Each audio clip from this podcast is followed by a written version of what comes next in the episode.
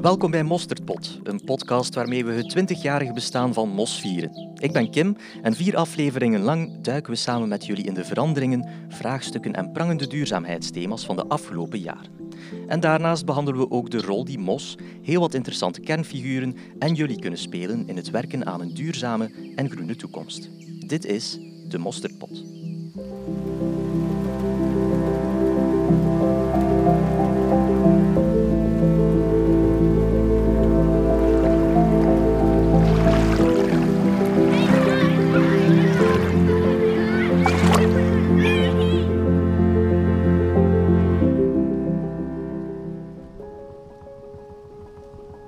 Deze derde aflevering staan we stil bij vergroening, biodiversiteit en buitenleren. Steeds meer scholen zetten zich inmiddels in om hun terrein aan een vergroeningsprogramma te onderwerpen, al dan niet met behulp van een MOS-begeleider. Diverse partners, waaronder ook MOS, werkten mee aan de visie Een speelplaats met toekomst, waarin de verschillende aspecten van een groene, kwaliteitsvolle speelplaats aan bod komen.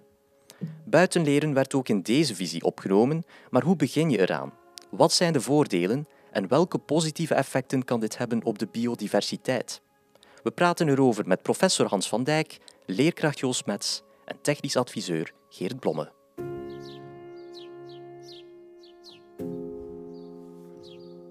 Laat ik beginnen met u. Uh, mag, mag, ik Hans zeggen? Absoluut, dat is mijn naam, dus Fantastisch. dat mag perfect. U bent bioloog, u komt regelmatig op televisie, radio om daar ook over te spreken. Daarnaast bent u ook uh, hoogleraar gedragsbiologie aan het UCL. Mm -hmm. um, trekt u eigenlijk soms ook af en toe zelf buiten om les te geven?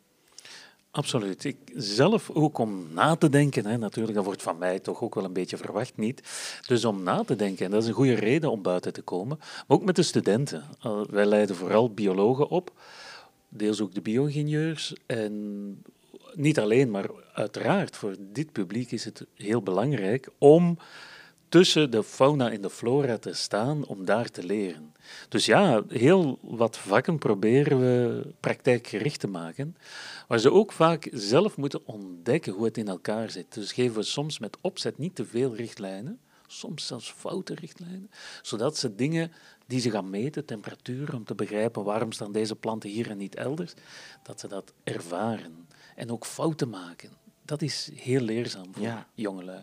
Biodiversiteit, dat is echt wel het sleutelwoord, denk ik, binnen dit hele gegeven. We zitten ook in een biodiversiteitscrisis natuurlijk. Um, uit verschillende studies is al gebleken dat naar schatting 1 miljoen soorten met uitsterven bedreigd zijn. Um, komt dit nog goed volgens u? Uh, is dit een doemscenario waar dat we nog uit kunnen geraken? Het is een heel groot probleem, daar moeten we niet flauw over doen. Het is, uh, we zijn nu gelukkig hoe langer hoe meer maken we ons grote zorgen over klimaat biodiversiteitsprobleem is minstens een even groot probleem en er zijn vele raakvlakken uh, overigens. Dus ja, dat is een heel groot probleem dat niet nieuw is, dat al langer loopt. En we, hebben, denken heel vaak natuur en mens een beetje gescheiden. Oh god ja, die wandeling op zondag is fijn in een bos, dus dan is die natuur belangrijk. Maar niets is minder waar. Biodiversiteit is de diversiteit van het leven op onze planeet. En onze eigen fraaie soort, Homo sapiens, is dus ook een soort. Wij zien onszelf niet als een soort. Hoe anders we ook zijn en denken te zijn, we hebben een aantal dingen heel gemeenschappelijk met al die andere levensvormen. En dus als heel veel van die andere levensvormen in de problemen komen, dan is dat meer dan een kanarie in de koolmijn. Ja. En dat, daar beginnen we hoe langer meer goed wetenschappelijk inzicht in te krijgen van één, hoe erg, hoe groot dat probleem is. Maar twee, ook wat dat betekent. Eén, vooral die fraaie, fauna en flora. Maar opnieuw ook onze club. We zitten daarbij, we staan er niet los van. Ook al denken we dat omdat we in uh, mooi geschilderde lokalen zitten en dat soort dingen, denken we dat we heel ver van bos en heide staan. Maar we zien in dat niks minder waar is. Ja, en op welke manieren kunnen we deze crisis dan te boven komen? Wel, eigenlijk is het een heel fundamenteel probleem. Het gaat fundamenteel over hoe we met onze omgeving omspringen. En dat betekent onze mobiliteit, hoe we voedsel produceren, hoe we huizen bouwen. Heel veel van die dingen die we ook terug horen rond de klimaatsproblematiek, maken dat we onze omgeving gebruiken, misbruiken, op een verkeerde manier gebruiken. En opnieuw is dat, lijkt dat een heel negatieve boodschap, maar, en dat is dan ook mijn taak als, als, als hoogleraar, als professor ben ik natuurlijk ook iemand die jonge lui opleidt, wil ik toch niet in doemdenken verzeild raken, hoewel de verleiding vaak wel loert als ik al die studies zie die ook niet de media halen.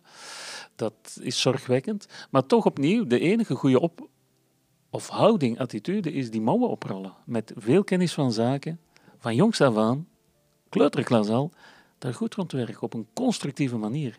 Want er gaat heel wat anders moeten gebeuren om maar het wordt dan beter. Dat is het fijne. Het is eigenlijk niet alleen het detecteren van een heel groot probleem, het is ook het scheppen van een zeer hoopvol, constructief, slim kader om te genieten tussen al die andere levensvormen. En, het, ehm, en daarbij dus ook het scheppen van een nieuwe generatie die daar ook aan kan bijdragen. Um, zoals dat dan bijvoorbeeld Jo en Geert dan ook bijvoorbeeld doen um, met hun scholen. Ja, absoluut. Ik kijk erg uit naar hun verhalen om dat te horen, want er gebeurt heel wat. En dat is, het is niet dat er niet gebeurt, maar soms is veel niet genoeg. En biodiversiteit is zo'n voorbeeld. Want opnieuw denken mensen van ja, als er nu een paar soorten uitsterven, zijn er zoveel die ik zelfs niet ken, is dat erg. Je moet weten dat het gaat niet alleen over het uitsterven van soorten. Um, pas was nog in de media over het achteruitgaan van heel wat voor, voorheen voor voormalig soorten huismussen, veldleeuweriken, noem maar op. Dus het gaat niet alleen over het weg zijn, het verdwijnen, het gaat ook over die achteruitgang. Die soorten zijn functioneel. En om in hun leefgebied te kunnen werken, functioneel te zijn, moeten die met heel veel zijn. Dus het is niet genoeg om een handvol soorten over te houden, dat we zeggen, kijk, die soort is er nog, hoera. Dat is zelfs niet de belangrijkste missie. Je wil een leefomgeving die werkt, die functioneert, waar dat er gegeten en opgegeten wordt, waar dat er organismen ziek worden, waar dat ze sterven, die het maar niet allemaal tegelijk. Ja. Want sterven, uitsterven is doodnormaal, maar het ritme waarmee dat gebeurt, is dat niet. Nu is dat uit balans. Ja, absoluut, uit, balans. En, dat, en dan merken we dat dat verhaal, die inzichten, is niet alleen natuur als een apart verhaal voor in een natuurgebied, hoe belangrijk die ook zijn, maar het is ook een verhaal van tuinen, dat is ook een verhaal van landbouwgebied, dat is ook een verhaal van industriezones. En dat vergt nieuwe inzichten, want dat maakt dat ook de stadsplanner, ook de onderwijzer, onderwijzeres, ook de architect en zo verder met die dingen bezig hoort te zijn. We hoeven dat niet in hokjes letterlijk op te steken, want dan komen we er niet. Alleen met heel kleine natuurreservaten hier en daar, hoe belangrijk die ook zijn, daar halen we het niet mee. Joos Mets, uh, jij bent leerkracht in School de Vlindertuin in Lille. Um, jij bent daar ook de leerkracht met de meest groene vingers, zal ik maar zeggen. En um, degene die daar ook het mosgebeuren aanvoert. Um, kortom, je zorgt ervoor dat heel veel klassen zoveel mogelijk buiten leren. Nu, hoe pak je dat concreet aan? Om ze graag te laten buiten gaan, moet je een groene speelplaats of een groene omgeving creëren. Zodanig dat ze buiten komen, dat ze verwonderd zijn. Wat kunnen we hier ontdekken? Uh, dat is het eerste dat we gedaan hebben. Dat was goed gelukt, dus we dachten, kom aan, we gaan ervoor. Nu gaan we buiten leren. Toch merkten we dat er een aantal leerkrachten niet mee op die trein zaten. Niet volledig, toch niet. Uh, dan hebben we nagedacht samen met de directie van hoe kunnen we nu een soort challenge maken, zodat zowel de leerkrachten, want de leerlingen zijn meestal vragende partij, uh, om die toch buiten te krijgen. Die challenge hebben we dan zo opgevat dat we zoveel mogelijk uren buiten zouden lesgeven met een soort uh, turfsysteem. Duizend uren buiten lesgeven, zo'n groot blad met allemaal kadertjes die we moeten aanvinken.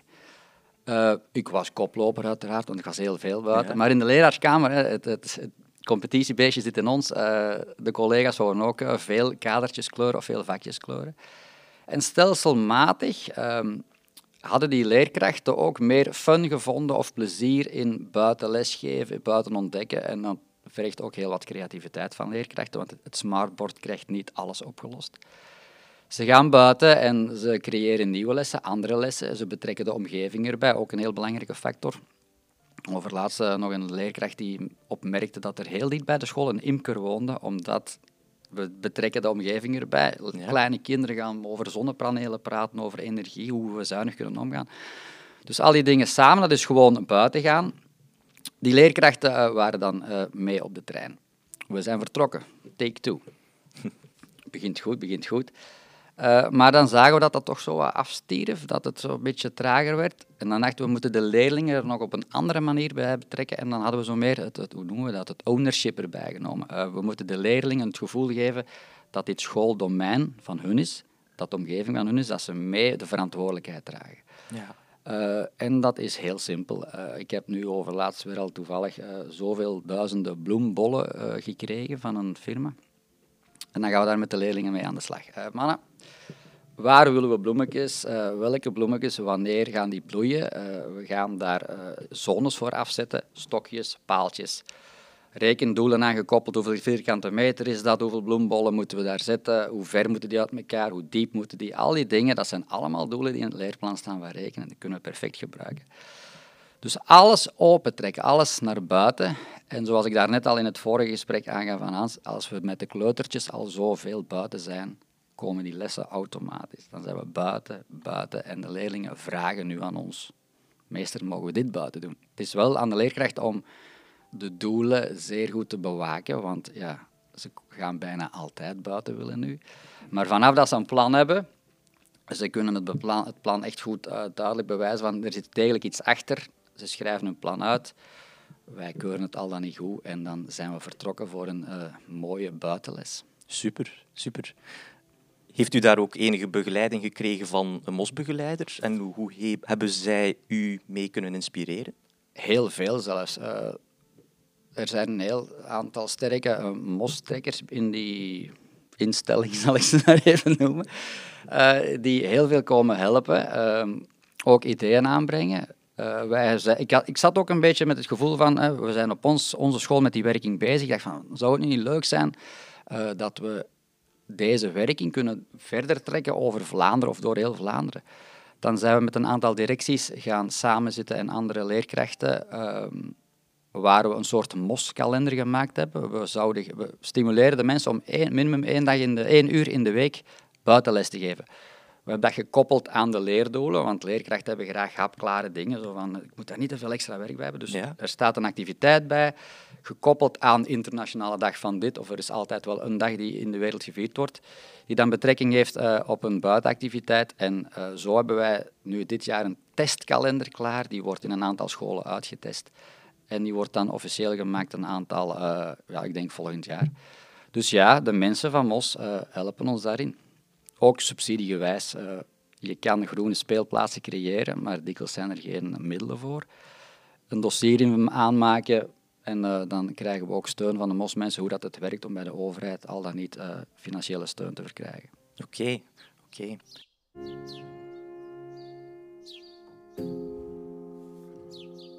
En dan hebben we nog een derde gast, Geert Blomme. Jij bent technisch adviseur aan verschillende campussen op de Athena School in Kortrijk. Dat klopt. Um, en daarbovenop bent u ook de bezieler van het Vikingbos. Hè? Um, wat moeten we daar precies onder verstaan? Um, het Vikingbos is een didactisch bos slash speelplaats. Het was zo'n braakliggend terrein met, met wat bomen waar niemand naar omkeek. En we hebben dat in een aantal weken met een boel vrijwilligers omgetoverd tot een didactisch bos. Waar mens en dier vreedzaam naast elkaar kan, want het is een fragiel evenwicht. Um, ja, de kinderen loslaten in het bos. we kijken daar altijd zo van naar van, uh, ja, wat gaat er gebeuren als we dat zomaar toelaten? Maar geleidelijk aan en met een beetje opvolging lukt dat wel. Uh, bijvoorbeeld voor de dieren uh, imkerij. We hebben dus een imker op school ook. En dat is een ex-leerling van de school, dus dat is wel aangenaam. Uh, dat is natuurlijk afgesloten, maar, maar dan met de Week van de Bij, ieder jaar is er dan een hele week iets, um, activiteiten rond de, rond de bijen. Komt er ook een andere imker uitleg geven aan een heleboel klassen Hans de dag door. Um, er is ook een stuk van het bos niet toegankelijk uh, voor mensen laten we stellen. Uh, daar hangt dan ook de eikelmuiskast uh, en zo van die, van die dingen. Maar daar komen geen mensen, we gaan daar gewoon vanuit. Dat is verboden zone. Um, in het midden uh, staat het ook vol met bramen. Die, het eerste idee was van oei, dan moet je hier weg. Maar eigenlijk hebben we dat zo gelaten, dus eigenlijk zit dat vol met nesten en ook eikelmuizen, denk ik. Want die zitten daar nog beter dan in, dan in, die, in dat nest. Um, En uh, ja, er zijn takkenwallen overal rond, dus daar, daar kunnen de dieren ook veilig schuilen van het, uh, van het ander loslopend wild. Want ook die kinderen moeten daar kunnen ravotten. Er is dus een speelbos en een stuk waar ze gewoon kunnen putten maken en en allee, spelen, eh, dat, dat moet allemaal naast elkaar kunnen gebeuren. Er was zelfs een leerkracht die wilde de mountainbike, uh, een mountainbike parcours. Dat hebben we dan ook maar aangelegd naast het wandelpad. Maar ja, het is echt zo uh, geven en nemen, maar uh, uiteindelijk lukt dat wel. Het is een gebied met enorm veel variatie, heb ik de indruk. Ja, het is niet groot, dus dat is extra moeilijk om een, om een klein gebied zo in te kleuren. Maar er is een bosklas. Er hangen uilenkasten, er is een imkerij, um, er is een ravotplaats, uh, er zijn wandelpaden paden die het alles verbinden met elkaar. Ja, we proberen zoveel mogelijk op die kleine ruimte te realiseren uiteindelijk. Hoe heeft MOS precies kunnen helpen bij de aanleg daarvan? Um, eigenlijk bij de aanleg was, was er bijna niemand bij. We hebben gewoon vooruit. Ik, ik, kende iemand bij um, Attractie, dat is zo'n VZW, eh, CAW Kortrijk. En um, die mensen hebben, hebben, ons geholpen om van, eigenlijk van, van scratch, ja, er stonden bomen, maar om alles uh, uh, in orde te brengen, die bosklas ook, die, die haag rond een moestuin die daar twintig jaar geleden aangelegd was, uh, die haag stond 6, 7 meter hoog. Dus om dat allemaal een beetje uh, redelijk te maken, die hebben ons daarbij geholpen. Ook wandelpaden met mulch. En, en de imkerij afzetten en zo. Maar eigenlijk was dat allee, hadden we niks financieel en hebben we dat ook niet nodig gehad. We hebben ook veel zaken kunnen krijgen. Maar op een bepaald moment, ja, dan, dan, dan heb ik de mensen van MOS uitgenodigd. Hebben we even rondgelopen met experten. Want ik, zie mezelf niet meteen als expert. Die hebben ons handige tips kunnen geven. En ja, we gaan nu inderdaad ook naar fase 2 um, ehm, met een, een overdekte bosklas. Hè, als om eigenlijk in alle seizoenen ook buiten te kunnen zitten. Uh, nu is het in de zomer, um, de bosklas is reserveerbaar via Smart School, want het is gewoon het is een, een hit. Iedereen wil daarin. Um, maar dus een tweede, maar dan overdekt om dan ook in, in de lente en de herfst toch, als het een beetje regent, dan ze toch kunnen buiten zitten. Ja. En daar gaan we financieel wel wat middelen moeten voor uh, zoeken en daar gaan ze ons ook wel in ondersteunen.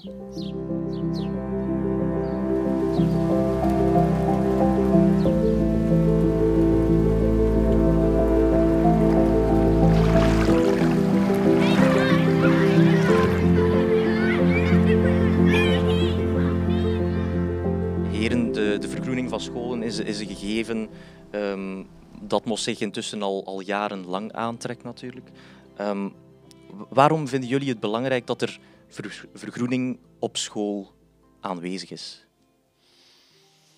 Ja, om verschillende redenen, maar ik wil iets heel fundamenteel onderstrepen.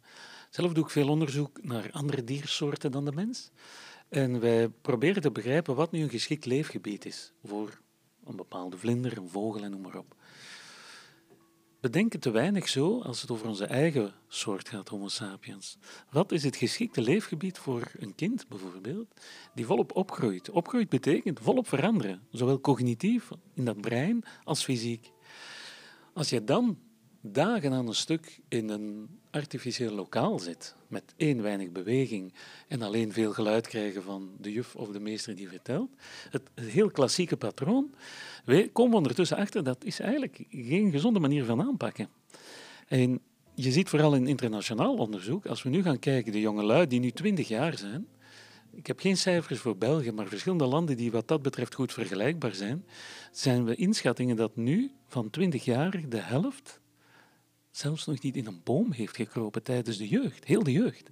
Je kan zeggen, oh god, ja, een boom kruipen, is dat nu belangrijk? Ja, dat is belangrijk. Het is symbolisch. Er moet veel meer gebeuren. Maar als dat soort dingen in een boom kunnen kruipen, merken dat netels prikkelen, ehm, de geur van bloemen, het zoomen van bijen, als al die dingen als een normaal dagdagelijks element tijdens die vele uren op de schoolbanken kunnen gebeuren, dat hebben we nodig. Want die spontane natuurcontacten die een aantal één generatie. Ik, ik, denk, ik zat nog in die generatie, maar die dingen zijn enorm snel aan het veranderen. Dus die projecten die we hier horen en vele anderen, ik denk, het is niet alleen een fraai project van, oh mooi, ik vind het echt essentieel. Ja, Ik zie jullie volmondig ja knikken. Ja, maar ja, de leerlingen en hun smartphone is, is onafscheidelijk, maar we kunnen ook dat inzetten. Bijvoorbeeld bij iedere plant staat een QR-code. Die- Ze kunnen die inscannen en, en inscannen bedoel ik, en dan kunnen die zien, ah, dat is zo'n struik en daar komen die vruchten aan en die bloeit dan en dan. Dus we moeten wel creatief zijn en, en daar ook op inpikken.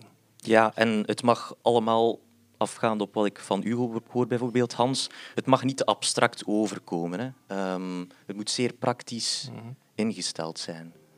Ja, wij zijn bijvoorbeeld een stemschool, dus we ook daar ook de techniek en de natuur samen eh, brengen en, en daar gebruik van maken.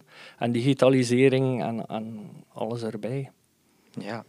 Ehm, hoe motiveer je andere leerkrachten binnen dit project? Ehm, Ehm, jullie, zijn, jullie zijn de trekkers binnen die scholen. Ja, maar ik denk Ehm. sowieso, onze bosklas is een hit. En, en die succeservaringen die de leerlingen daarop doen, dat wordt al als een lopend vuurtje verspreid over Hans de school. Dus op zich, eh, als de leerlingen willen, dan kan de leerkracht niks anders dan mee. Dus dat is Ja. al een voordeel. Ja, aanvankelijk was het moeilijk, of is het moeilijk, om een bepaald soort leerkrachten, zijn ze in alle geuren en kleuren, eh, om die mee te krijgen in dat groene verhaal of het buitenverhaal. Maar het is zoals we zeggen, eh, de leerlingen zijn vragende partij aan het worden. Die, klas, eh, die schooltuin is eigenlijk een heel groot klaslokaal waar overal die ketjes liggen. Waarom is dit, waarom is dat? Zij komen binnen met vragen, de grote why-vragen. Die worden getriggerd bij die leerlingen. Ja, en wij moeten mee, want wij zijn de leerkrachten. Het is geven en nemen, het, is een, het komt langs beide kanten. Hoe zagen jullie dat evolueren bij die leerlingen? Bij ons, wij zijn nu vijf jaar bezig met, met het buitengegeven of het buitentrekken. Ehm, bij de kleutertjes gebeurt het. Daar wordt het zaadje geplant. Daar wordt die verwondering, die, het kritische denken, daar wordt dat eh, ingebed.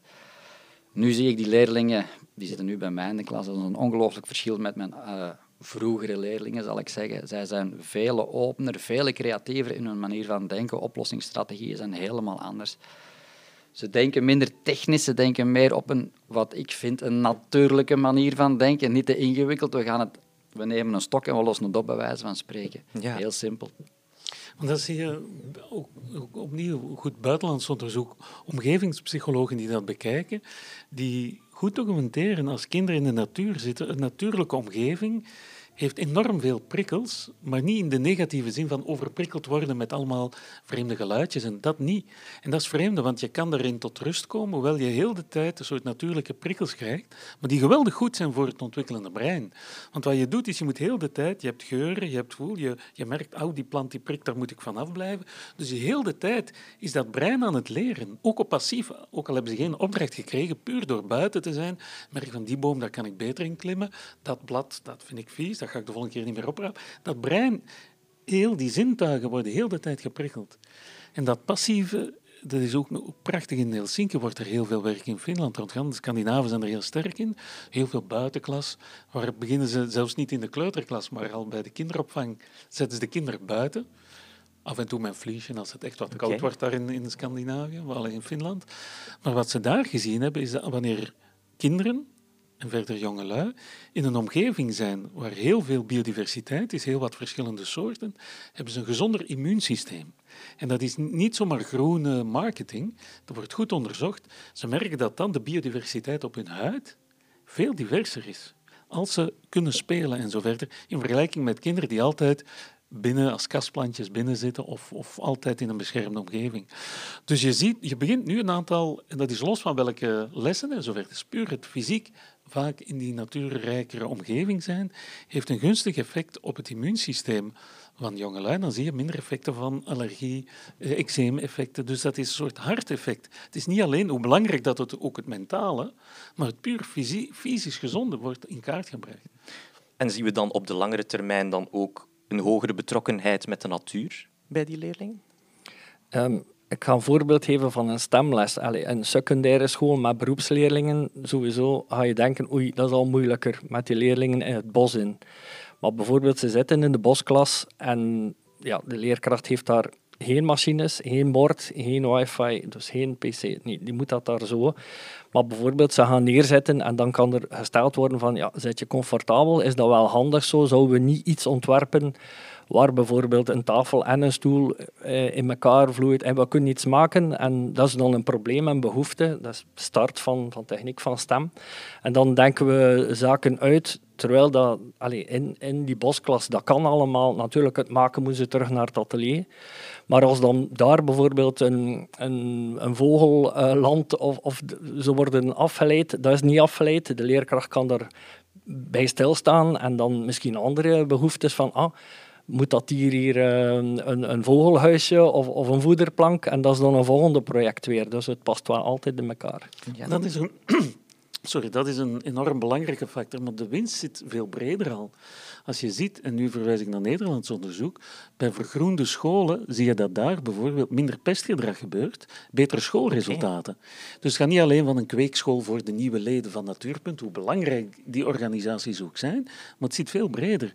En ik ben een gedragsbioloog. Als je kijkt ook naar ons gedrag, als je in de klas heel de tijd zit en je wordt stress opgebouwd, een probleem met vrienden thuis, weet ik wat, en je komt dan op een speelplaats waar de enige objecten zijn uw klasgenootjes, ja, dan heb je, dan heb je jongelui die gepest worden en die altijd slachtoffer. Als dat groen is, heb je plaatsen waar je kan achterschuilen. Heb je andere uh, bomen, planten waar dat je je stress kan op afreageren. En dus dat soort fenomenen speelt dus ook. En je ziet een aantal, hoe, opnieuw, om er te geraken, het is allemaal niet roze geur en maneschijn, het is ingewikkeld, je moet budgetten hebben, je moet collega's hebben die het willen doen. Maar de, de winsten zijn divers op vele vlakken. Dus ook naar welzijn, antipestgedrag en puur schoolresultaten. Minder ziekteverzuim. Ja. Dus er zijn heel wat bredere voordelen daaraan te, te identificeren. Jullie scholen bevinden zich in een zeer groene omgeving. Ik kan me voorstellen dat dat niet voor iedere school aan zich geldt. Um, wat zijn makkelijke eerste stappen voor andere scholen om hierin mee te gaan, die het met minder middelen op dat gebied moeten stellen? Er bestaan zo van die dingen zoals Pimpje Speelplaats, uh, ook iets van MOS. Uh, die mensen komen kijken, die komen bespreken met jou of met, met de school of de directie. Waar wil je naartoe? Wat is eigenlijk de bedoeling? Welk budget heb je? En zij gaan mee een traject uitstellen um, waar je naartoe wilt. En dan het is niet al te veel, je krijgt daar geen miljoenen euro's voor, maar het helpt. En, en ouderparticipatie is daar ook een hele belangrijke rol in. Je kan als leerkracht niet alles alleen doen, je kan ook niet met je team alles oplossen. Een goede ouderwerking, uh, een MOS-team, een werkMOS-team, die mee de stenen van de speelplaats uitbreken, mee bomen planten, mee speelheuvels maken, de klimbomen klaarmaken dat ze veilig zijn. Op die manier geraak je al een heel eind. Je kan met kleine dingen veel doen. En bij 20 vierkante meter stenen uitbreken is voor kleuters en kinderen van het lager onderwijs een, een heel speeldomein. Die zien daar dennenappels, die zien stokken. Het creëren, uh, vanaf dat je op een groene speelplaats zit of een groen domein, begint het kind veel harder na te denken. Die, die gaat niet zeggen, ik ga iets kopen, die gaat zeggen, ik ga iets maken. Dat wordt doorgetrokken naar de klas. Dat is niet gewoon zo van, uh, ik heb een probleem, ja, ofwel lossen mijn ouders dat op bij ons op school, ik zal u een klein voorbeeldje geven, onze kleuters hadden graag een zandbak. Ze hebben al een kleuterspeeltuin, uh, maar ze hadden graag een zandbak om daar hun projecten op uit te tekenen. De kleuterjuf zei, ja, dan moet jullie dat regelen. Het zijn kleuters. Eén uh, papa zat in de bouw. Die heeft dan uh, twee kub wit zand komen brengen. Een andere papa, die, uh, wat dat was een schrijnwerker, die heeft de ronde bak van de zandbak gemaakt. Een andere papa was een tuinaannemer, heeft met zijn klein heftruckje een gat komen graven. Ik wil maar zeggen, die mannen zijn nog geen zeven jaar. Die hebben zelf een zandbak kunnen regelen gewoon door alles te, te, vragen, te creëren, na te denken, hoe gaan we dit oplossen? Schitterend. Zo'n petotters. Die zandbak staat er en ze zijn zo fier als hij. Dus bedoel, er zit veel in een kind. Ja, die zelfredzaamheid, ja. dat is ook een factor. Het is het totaalpakket dat het doet. Heel belangrijk. Het is een groene speelplaats, dat is zo Hebben jullie problemen gehad met ouders die... Want een van de... Er zijn ook keerzijdes natuurlijk. Kinderen worden uiteraard vuil op een, op een ja. groene speelplaats. Het is niet zo netjes. Die gestreken hemdjes, die komen met groene plekken terug thuis. Zorgt dat voor veel... Ik neem jouw rol even ja, over, maar ik ben benieuwd. Aanvankelijk wel, hè, maar uh, dat, dat duurt ongeveer een maand. En dan uh, wordt die mindset gezet van... Um, als ze vuil zijn, zoals we zeggen, als ze vuil zijn, dan hebben ze zich goed geamuseerd. Voilà. Ja. En zo, weet het, zo is het ook. Hebben ze een, een, een, een schaafwondje op hun arm, Dat wordt dan natuurlijk uitgelegd hoe het gekomen is. Het wordt verzorgd. Ouders vinden het niet zo erg. Ah, schitterend. En het zorgt ook voor meer betrokkenheid met de buurt, neem ik aan. Hè? Ehm, hoe, hoe bekijken jullie dat gegeven? Ja, van in het begin hebben wij ons bos uh, open, allez, speelplaats uh, opengesteld voor de buren. Die, na de les, uh, na de schooltijd, gaan die daar wandelen. Um, er zijn ook buren die de moestuin dan verder onderhouden, juli, augustus, de kippen eten geven en zo. Dus dat is ook wel leuk dat, dat die er ook achter staan. Ja, fantastisch. Dat is bij ons ook. Wij hadden dan um, ook moestuinen gecreëerd. En net hetzelfde verhaal in de vakantie. Ja, zijn de leerkrachten op vakantie. Uh, en dan hebben we de buurt kunnen mobiliseren om uh, te komen water geven. En in ruil mochten zij dan twee lapjes bewerken om daar hun groenten op te verbouwen. Zo'n wisselwerking. Dat is altijd plezant. Ook de, de scouts uh, mag ons groendomein gebruiken. Daar zijn ook afspraken rond gemaakt. De poort staat in het weekend open. Heel het domein mag gebruikt worden. Een aspect dat voorlopig nog niet is aan bod gekomen is het blauwe verhaal, water. Um, wat is het belang daarbij binnen dit verhaal? We hebben onze leerlingen er zeer bewust van gemaakt dat waterschaarste echt iets is dat bestaat. Um, nu, de laatste tijd is er zelfs te veel water uh, op bepaalde plaatsen. Maar wij hadden ook uh, het probleem gesteld, uh, voorgesteld aan de leerlingen op de school. mannen, de moestuin in de zomer, water, kraantjeswater gaan we niet steeds doen. Weder uh, hetzelfde verhaal. Iemand kende die zo een groot vierkantig vat in de wei had staan bij een onkel Jeff. Uh, dat is dan naar onze school verhuisd. De leerlingen van de derde graad hebben uitgerekend hoeveel, vierkante meter, uh, hoeveel lopende meter buizen dat ze nodig hadden om dat aan te sluiten op de regengolf, de, de regengoot of de regenpijp. Hebben het water bijgehouden en dat water wordt nu hergebruikt om de moestuin water te geven. Ideaal. En het werkt, de leerlingen waren weer betrokken. En daar draait het om. Hoe ligt dat bij jou, Geert? Um, wij doen onder andere mee aan het project Curieuze Neuzen. Dus dat kunnen ze ook duidelijk zien dat, uh, dat alles droog is. En uh, wij vangen ook uh, regenwater op. En er is ook een kleine vijver met salamanders en kikkers en waterplanten. Het is ook belangrijk dat jongelui die ook kunnen onderzoeken en grijpen en dat dat tastbaar maakt. Wat niet altijd mogelijk is als ze op uitstap naar een natuurreservaat gaan, kwetsbare vegetaties en de conservator daar zal niet gelukkig zijn als iedereen met bokalen en netjes in het veen duikt of zo. Is begrijpbaar. We moeten ook dat respect voor die kwetsbare natuur, maar plekken hebben dicht bij de school waar dat ze inderdaad met bokalen en netten een soort tijd dat tijd met een salamander kunnen hebben. Dat zijn eigenlijk belevingen die jaren nadien spreekt men er nog van als jongelui.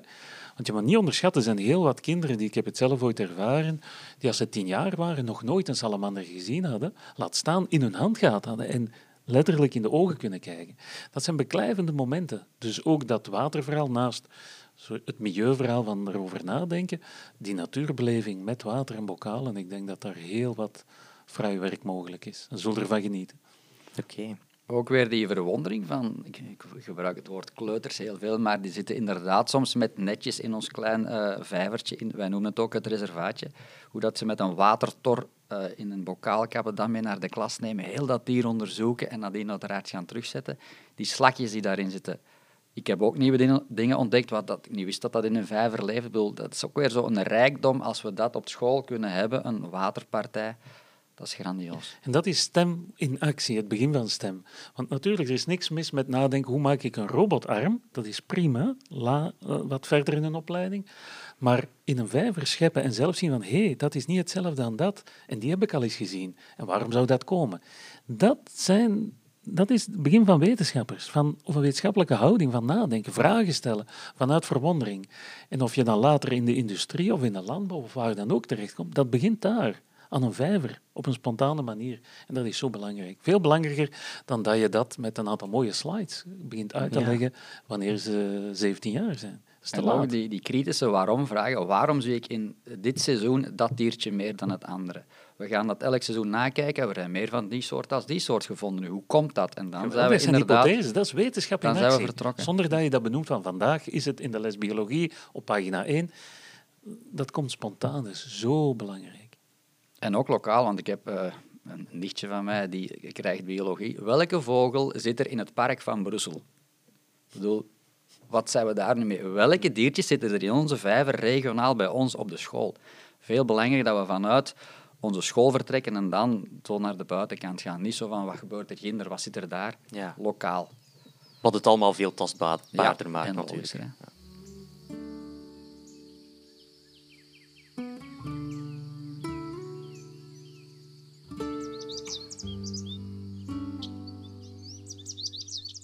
Ehm, een terugkerende vraag telkens in deze podcast is eigenlijk, ehm, mocht je een toverstaf hebben en als je iets dus kon veranderen binnen de samenleving, wat zou dat dan zijn?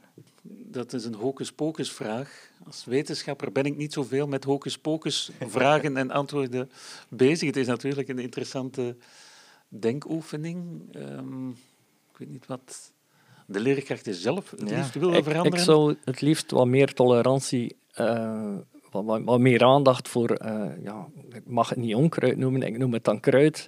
Want de directeur heeft mij soms opdracht van, ja, de ingang van de school, dat ziet er weer vuil uit. Maar vuil voor sommige mensen, dat is beton en asfalt. En dan is dat proper. Dus ik, ik, ik wil een lans breken voor wat meer tolerantie voor... eh, allee, onkruid is een, een slecht woord, hè, voor, voor, voor de natuur, voor, Ja. ook voor kruiden en klaprozen. En, Ja, opnieuw. Dus daar heb je die link. Die dingen die wat meer wilde planten, bloemen en insecten en zo verder hebben, zijn gezondere omgevingen. En je ziet dat dan niet alleen omwille van de bloemetjes en de bijtjes, maar ook om de micro-organismen.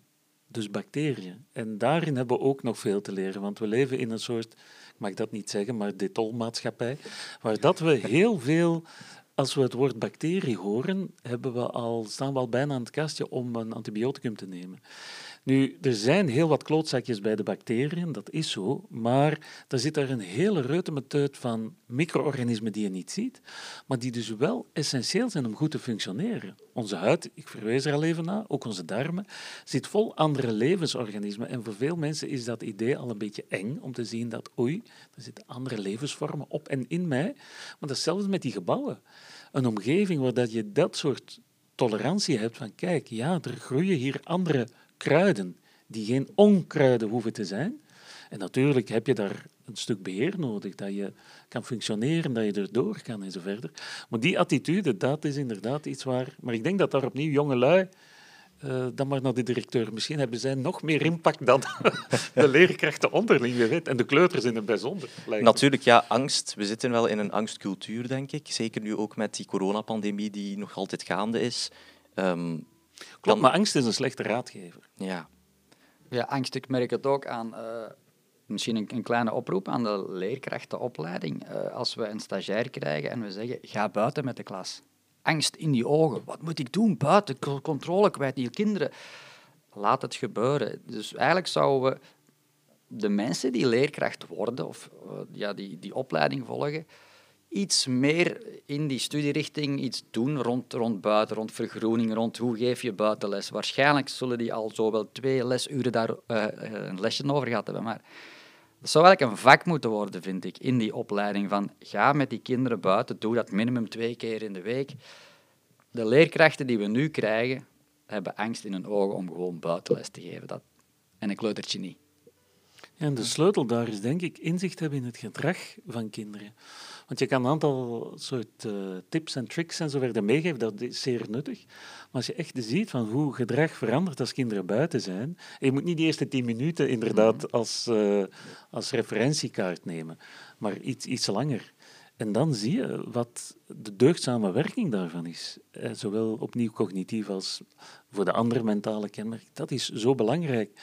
En als nieuwe leerkrachten dat begrijpen ook, niet alleen weten wat kan ik doen en hoe ben ik dan minder zelf gestrest, maar vooral inzien van waarom doen we dat? En Ja. wat verandert dat? Dat is heel erg. Ik denk, ja, die opleiding van die nieuwe generatie leerkrachten, dat moet er helemaal in verweven zitten.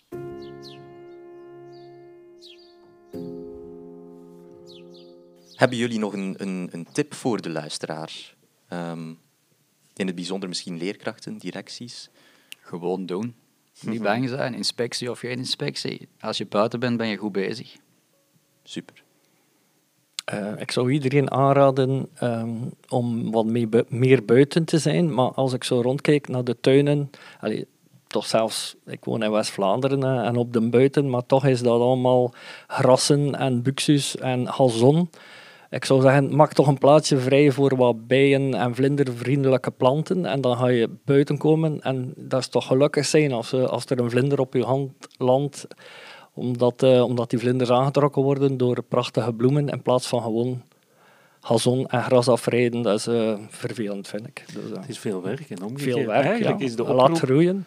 De oproep is dat veel van die volwassen mensen eigenlijk terug kleuter worden. Hm.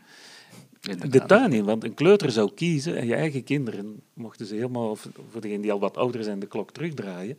Als je mocht kiezen, een tuin waar iets te beleven valt. En die tuin waar iets te beleven valt, is niet alleen dat groene biljartlaken. Ik heb niks tegen gazon, want op de voet, voor de voetbal is dat ja. prima. Dus die mag er ook zijn. Maar daarnaast, zorg dat je ook een stuk hebt waar wel iets te beleven valt. Waar dat je uren kan kijken, waar dat je kan knutselen, waar dat je zelf creatief kan zijn. Met hout en alles dingen die je vindt. En dat is zo belangrijk voor alle leeftijdscategorieën. Dus laat die kleuters maar de tuinen ontwerpen. En ik denk dat het voor onze biodiverse omgeving, voor de levenskwaliteit van onze omgeving, een heel pak beter zou zijn. Een zeer mooie boodschap lijkt me om, om hiermee deze aflevering af te sluiten. Hans, Jo, Geert, heel erg bedankt voor dit gesprek. Ik vond het zeer aangenaam. Jullie, hopelijk jullie ook. We komen nog één keer terug met een vierde en laatste aflevering van de Mosterdpot, waarin we zowel terug als vooruit blikken. Hoe is Mos Vlaanderen de afgelopen twintig jaar geëvolueerd en welke uitdagingen liggen klaar voor de toekomst? We gaan erover praten met wederom drie gasten: Karel Koenen, Elise Chaumont en Koen Smets.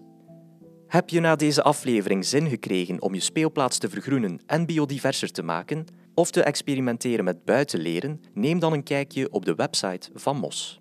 Bedankt voor het luisteren en tot gauw.